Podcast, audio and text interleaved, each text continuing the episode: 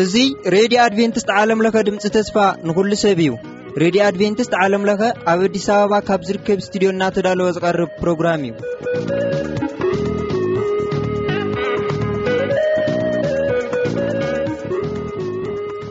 በብዘለኹም ምዃንኩም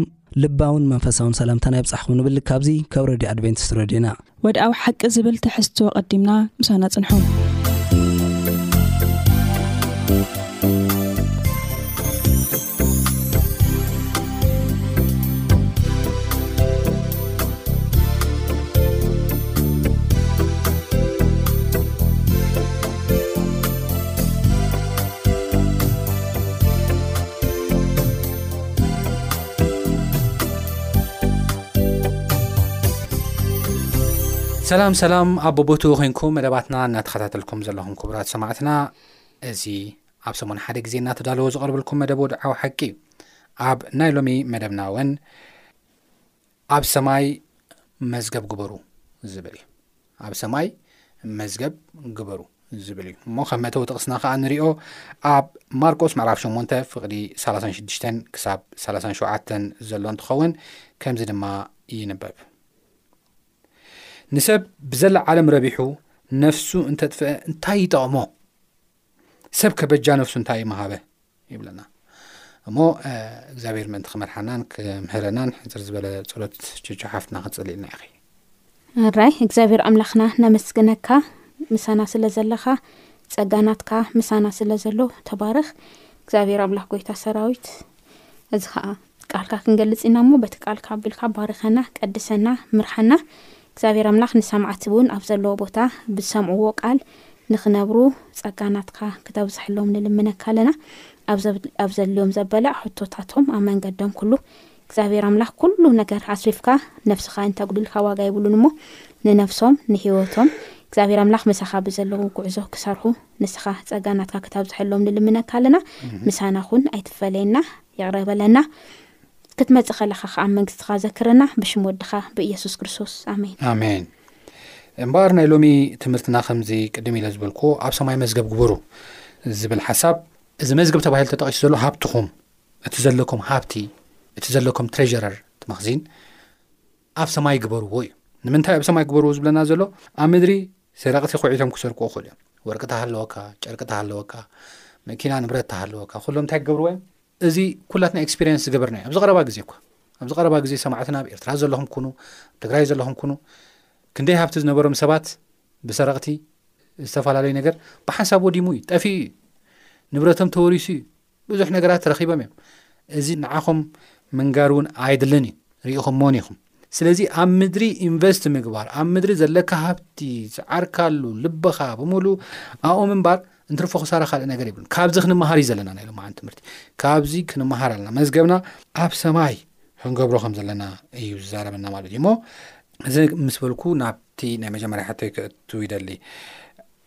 ብዛዕባ ኖህ ኢና ክንዛረብ ናይ መጀመርያ ሕቶ ይሓፍትና ቹቹ እሞ ከመይ ነይሩ ሂወቱ ናይ ኖህ ምስ ናይ ሎም ኣርእስና ሒዝና ክንኣት ከለና ኸ ነታ ጠፋኢት ዓለም ከዝጠንቀ ኮ እንታይ ኢሉ እዩ ነይሩ እስኪ በዚ ሓሳብ ዝሃብና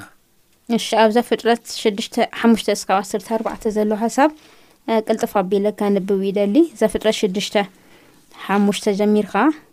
እግዚኣብሔር ከዓ ክፍኣት ሰብ ኣብ ምድሪ ከም ዝበዝሐን ብሓሳባት ልቡ ዚሕልኖ ድማ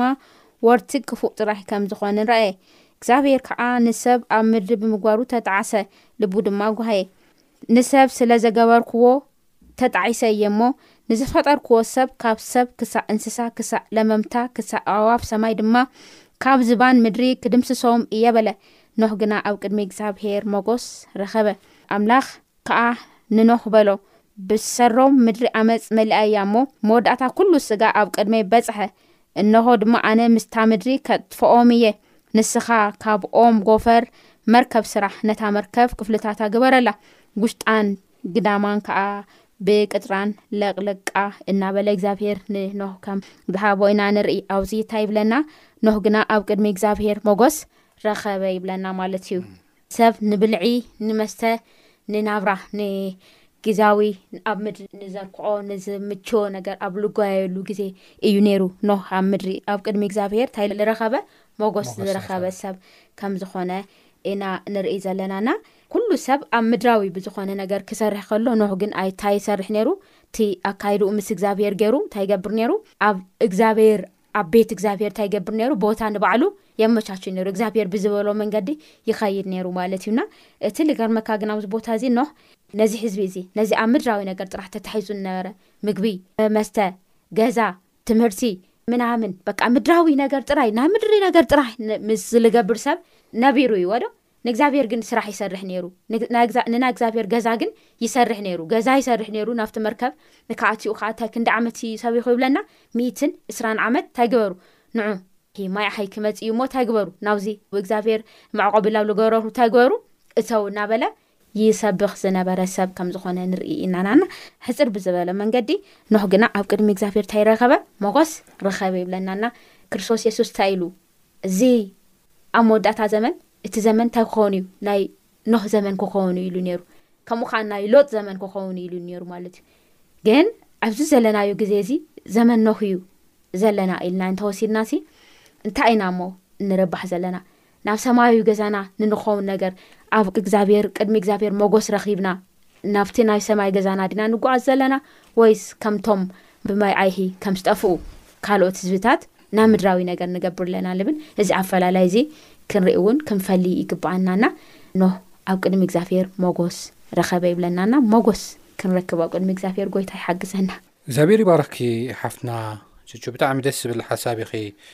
ሂብክና ቀፂልና ከዓ ክንሪኦ ዝደሊ መቸም ን ተልዒልና ኣብርሃም ከይልዓልና ይንቐልና ኩሉ ግዜ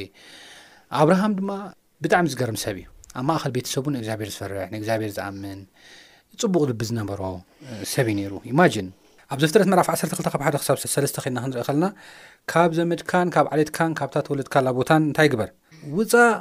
ውጻእ ናብቲ ኣነ ዘርእየካ ቦታ ኣቢልካ ውጻእ ኢልዎ እግዚኣብሄር። እንዲያም ተዘንብቦ ደስ ይብለኒ። እንታይ ይብል? እግዚኣብሄር ድማ ንኣብርሃም በሎ፣ ካብ ምድርኻን ካብ ኣዝማድካን ካብ እንዳ ኣቦኻን ኣነ ናብ ዘርእየካ ምድሪ ኣቢልካ ውጻእ። ንዓብዪ ህዝቢ ክገብረካን ከባርኸካን ከኣ እየ። ንስምካ ከዕብየ እየ፣ ንበረኸት ድማ ክትከውን ኢኻ። ዝባርኹኻ ክባርኹም፣ ንዝረግሙኻ ድማ ክረግሙ እየ። ዓሌታት ኩላ ምድሪ ድማ ብኣኻ ክባረኹ እዮም ይብል። እዚ ሓሳብ እዚ ኬድና ክንሪኦ ከለና ብ ኣብርሃም ዓይኒ ኬድና ክንሪኦ ከለና ከቢድ እዩ። ዝዓበኻሉ ቦታ፣ ቤተሰብካ፣ ዝማድካ፣ ተፈሊኻ ምውጻእ ኩሉ ገዲፍካ ምውጻእ ብጣዕሚ ከቢድ እዩ። ነገር ግን ኣብርሃም ንምድራዊ ተድላ ንምድራዊ ሓጎስ ንጎኒ ብምግዳፍ ንእግዚኣብሄር ምእዛዝ ዝሕሸኒ ኢሉ ኣብ ህይወቱ እቲ ዝዓበየ ውሳኔ እዩ ወሲኑ። ዓቢ ውሳኔ እዩ ነይሩ። ኣነ ምስ ቤተሰበይ ኮይነ ካብ ቤተሰበይ ከይተፈለኹ ዶ ኢንጆይ ክገብሮ ላይፍ ወይስ እግዛብሄር ዝብለኒ ዘሎ ካብ ቤት ኣዝማደይ ንወጼ መንገዲ ኣምላኽ ኣሕሸኒ ዓብ ውሳኔ ወሲኑ መንገዲ ኣምላኽ ኣሕሸኒ ኢሉ መሪጹ መጽሓፍ ቅዱስ ክዛረበና ከሎ ናበይ ከም ዝኸይድ እኳ ከይፈለጠ እዩ ዝብለና ናበይ ከም ዝኸይድ እኳ ከይፈለጠ እዩ ካብ ዓዱን ካብ ኣዝማዱን ካብ ሃገሩን ካብ ዛዛዕበየላ ዓዱን ዝኸድ ይብለና መፅሓፍ ቅዱስ ከድና ንርዋን ማለት እዩ እሞ ኮሽን ከይገበረ ኣይሓተተን ናበይ እየ ድሕሪኡ ከ እንታይ ዩ ክኸውን ዋ እሞ ክገድፎ ከለኹ ኣሕዋተይ ከ ኣቦይ ከ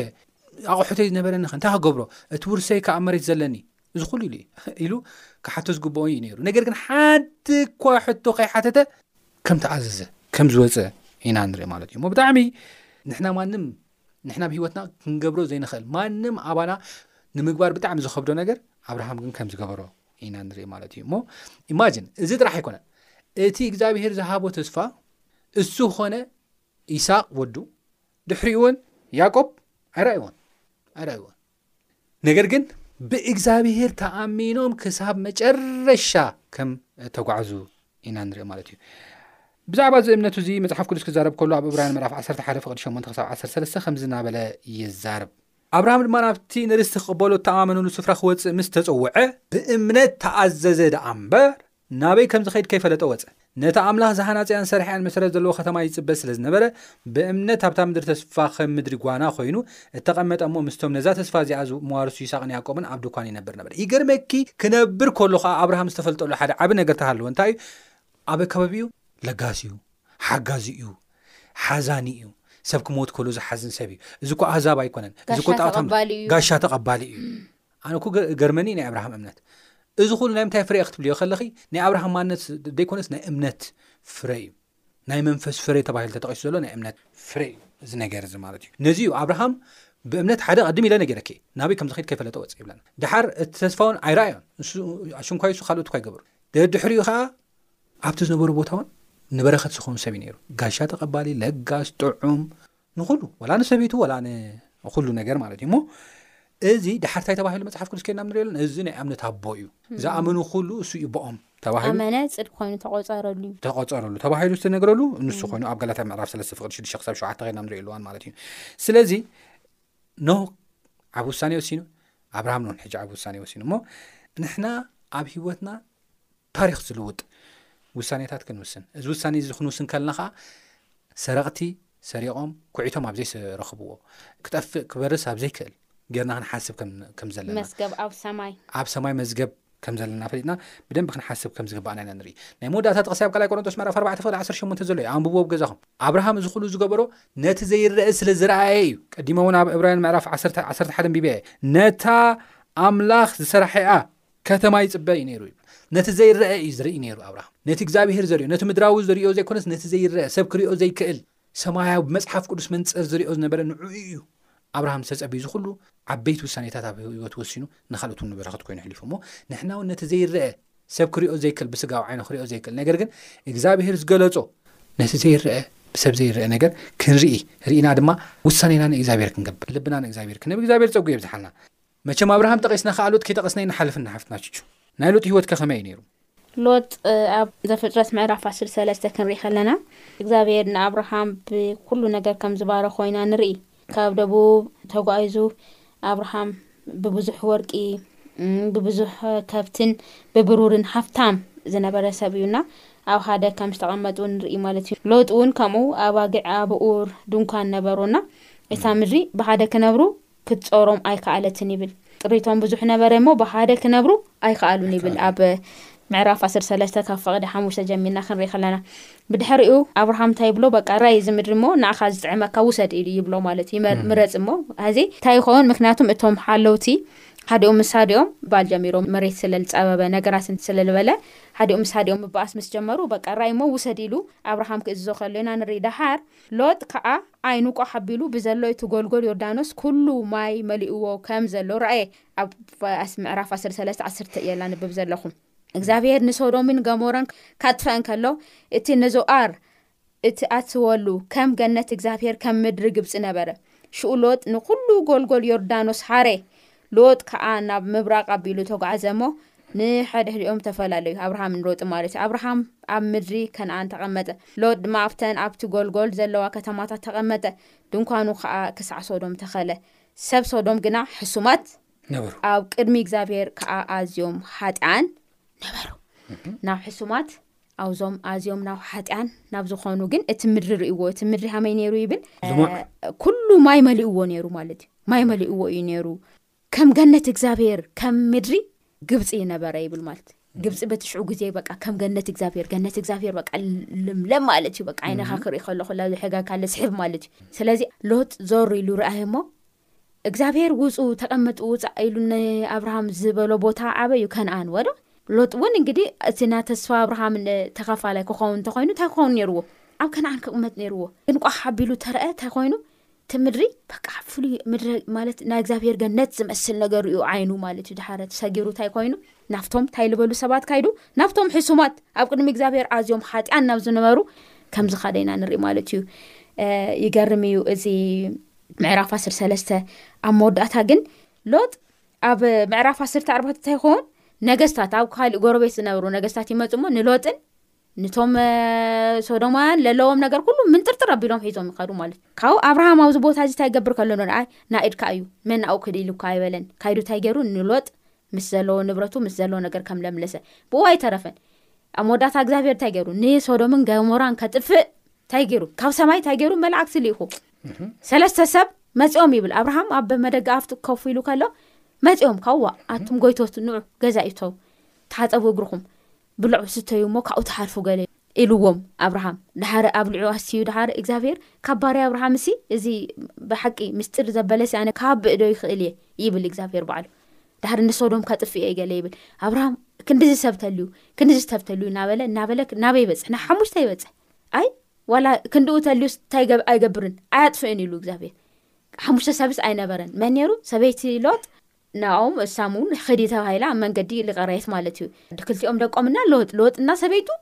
ክልቲኦም ደቂ ኣርባዕተ ሰብ እዮም ነሮም ማለት እዩ ነዞም ፀጋ እግዚኣብሔር ዝተረፈሎ ማለት እዩ እግዚኣብሔር ውፅኡ ኢሉ ኣብፅኦም ማለት እዩና እንታይ ኢና ኣብዚ ንርኢ ዘለና ኣብርሃምን ኖሂን ክንርኢ ከለና ኣብ ሰማይ መስገብ እዮም ንበዓሎም እንታይ ይገብሩ ነሮም ይሰርሑ ነሮም ገዝኦም ኣብ ሰማይ ይገብሩ ነሮም ሓሳብ ኣብ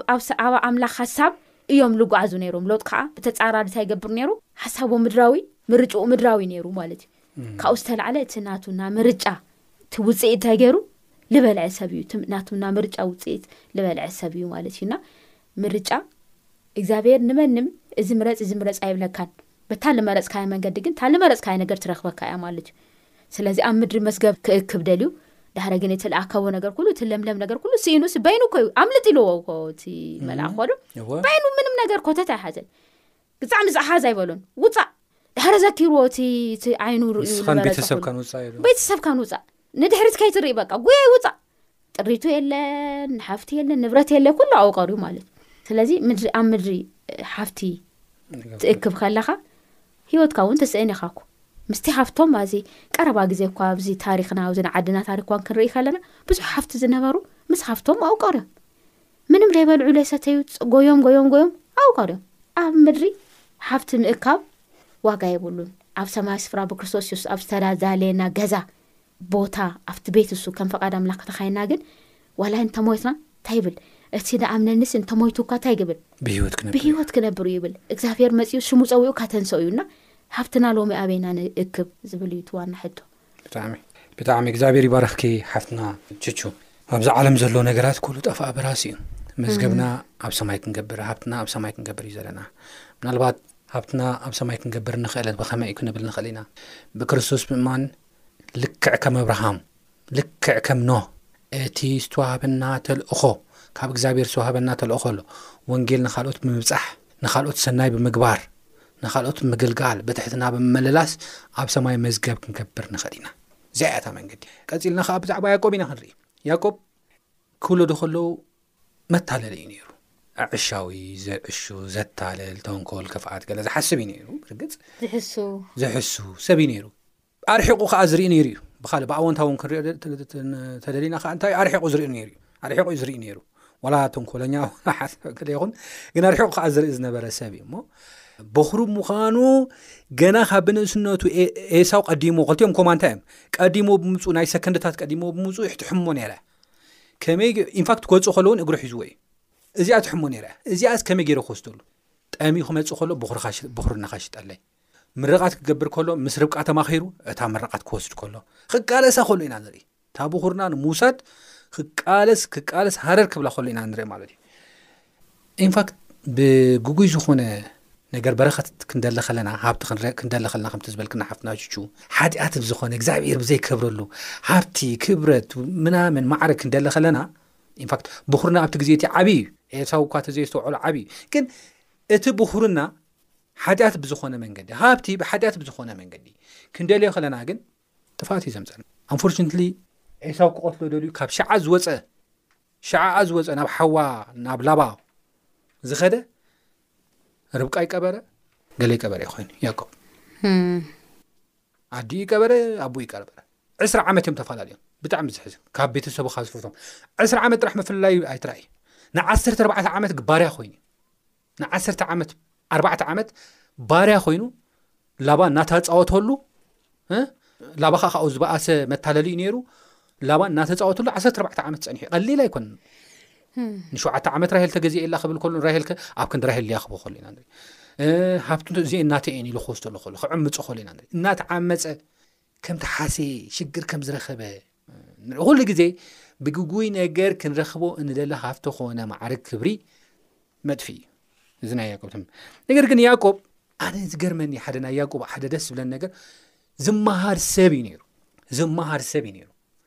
ሎሚ ሰብ ኣይወደቕን ማለት ኣይኮነን ዝመሃር ሰብ ግን ክኸውን ኣለዎ እዩ ሰብኩ ዝመሃር ካብ ውድቀቱ ዝመሃር ንምንታይ ወዲቀ ኢሉ ንምንታይ ናብ ዝሽግር እዚ ወዲቀ ኢሉ ሕጂ እውን ኣብ ትግራይ ዘለኹም ኣሕዋትና ኣብ ኤርትራ ዘለኹም ኣሕዋትና ክዛረብ ዝደሊ እንታይ እዩ ናብዚ ኩሉ ውድቀት ኣብፅሒና ኢልኩም ርእስኩም ክትምርምሩ ይድሊ ምድራዊ ተሓሳስባ ጥራሕ ኣይኮነ ፖለቲካል ፌረር ጥራሕ ኣይኮነ ነገር ግን ሰማዩ ክትሓስቡ ኣለኩም እንታይ እዩ ናብዚ ውፅሒና ዘሎ ስለዘይፀለና ዩ እቲ ሓቂ መንገዲ ኣምላኽ እግዚኣብሔር ስለዘይተኣዘዝና ርእስና ንምሃር ሰብ ክንኮና ያቆብ መርሚሩ ርእሱ ሓቲቱ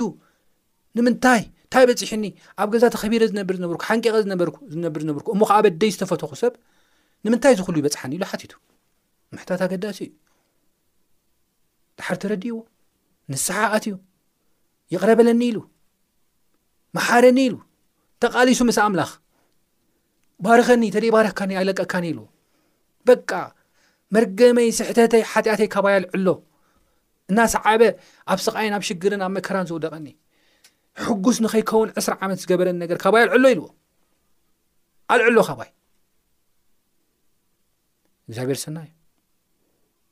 ካብ ዝገርመኪ ገና ንስሓ ከይኣተወ እኳ እግዚኣብሔር እንታይ ገብሮ ነይሩ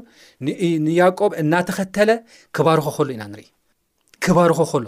እተን ኣሓ እተን ኣባጊዕ እቲ ንሱ ዝሕልወን ናይ ያቆብ ዝተባህላ ነገራት ብዙሓት ክወልዳ ክባረኻ ላባን ክሳብ ዝቐንእ ማለት እዩ በቃ መጎስ ክረክብ ከሎ ኢና ንርኢ እግዚኣብሔር ይባርኾ ነይሩ ድሓር ንስሓ ምስ ኣትወ ከዓ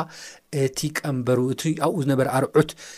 ከም ሰበረሉ እግዚኣብሔር ኢና ንርኢ ማለት እዩ ብጣዕሚ እግዚኣብሔር ይመስገን ከም ሰበረሉ ሴሩ ከዓ ድሓር እቲ ዋና ሕልሙ ሓደ ዝተረፈ ሓዉ ነይሩ